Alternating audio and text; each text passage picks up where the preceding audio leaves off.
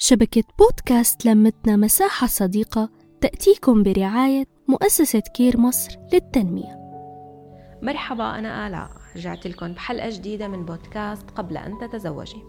بحلقة اليوم رح نحكي عن كيف نحط أهداف ونحققها. أول شي بدنا نحط ببالنا إنه كل حدا بيملك أهداف مختلفة عن التاني. ومو شرط تكون أهدافنا تنقذ البشرية أو بتنقلنا نقلة نوعية بنمط الحياة. وأصلا حتى الأهداف الكبيرة لازم تتقسم لأهداف جزئية مشان نقدر نحققها.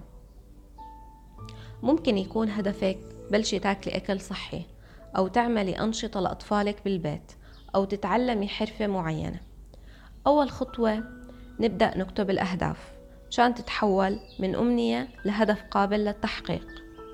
تاني شي بدنا نعرف مواصفات الهدف الذكي وكيف نطبقه مع مثال عملي. كلمة ذكي إجت اختصار للكلمة الإنجليزية سمارت وهي أول كل حرف من مواصفات الهدف أخدوها حتى صارت كلمة سمارت طيب شو هي المواصفات؟ أول صفة يكون محدد specific لأنه الغموض بشتتك وبضيع وجهتك.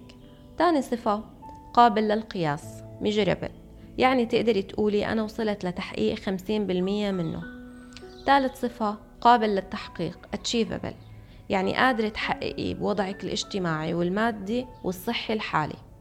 رابع صفة من مواصفات الهدف الذكي يكون واقعي realistic وخامس صفة والأخيرة إنه يكون محدود بإطار زمني.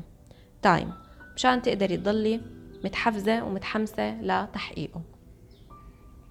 وهلأ بدنا ناخد هدف ونطبق عليه هاي المواصفات. مثلا بدي أخس ما بصير أخليها عايمة. لا بحددها بقول أخس 15 كيلو. هيك حددنا الهدف. والمدة 3 شهور. هيك حددناه بإطار زمني. ونقسمه لأهداف صغيرة. كل شهر بدي أنحف 5 كيلو. هيك خليناه قابل للقياس وللتحقيق. ونخليه واقعي بأنه نقول شو الأدوات اللي رح تساعدنا بتحقيقه. مثلا أحضر وجبات صحية بالبيت. أنا ما بقدر أشترك بالجيم. ممكن ألعب رياضة بالبيت. ومن النصايح المهمة اللي بتشجعك على تحقيق هدفك إنه ما تقوليها للناس مشان ما تلهمتك على تحقيقها أو حتى الناس تسمعك كلام محبط. وكمان شجعي حالك كل ما تحققي جزء من الهدف إما تطلع على مكان بتحبيه أو تجيبي هدية لنفسك. وإن شاء الله كلكم تكونوا أقوياء ومنجزين بتحقيق أهدافكم. وهيك أعزائي المستمعين وصلنا لنهاية الحلقة.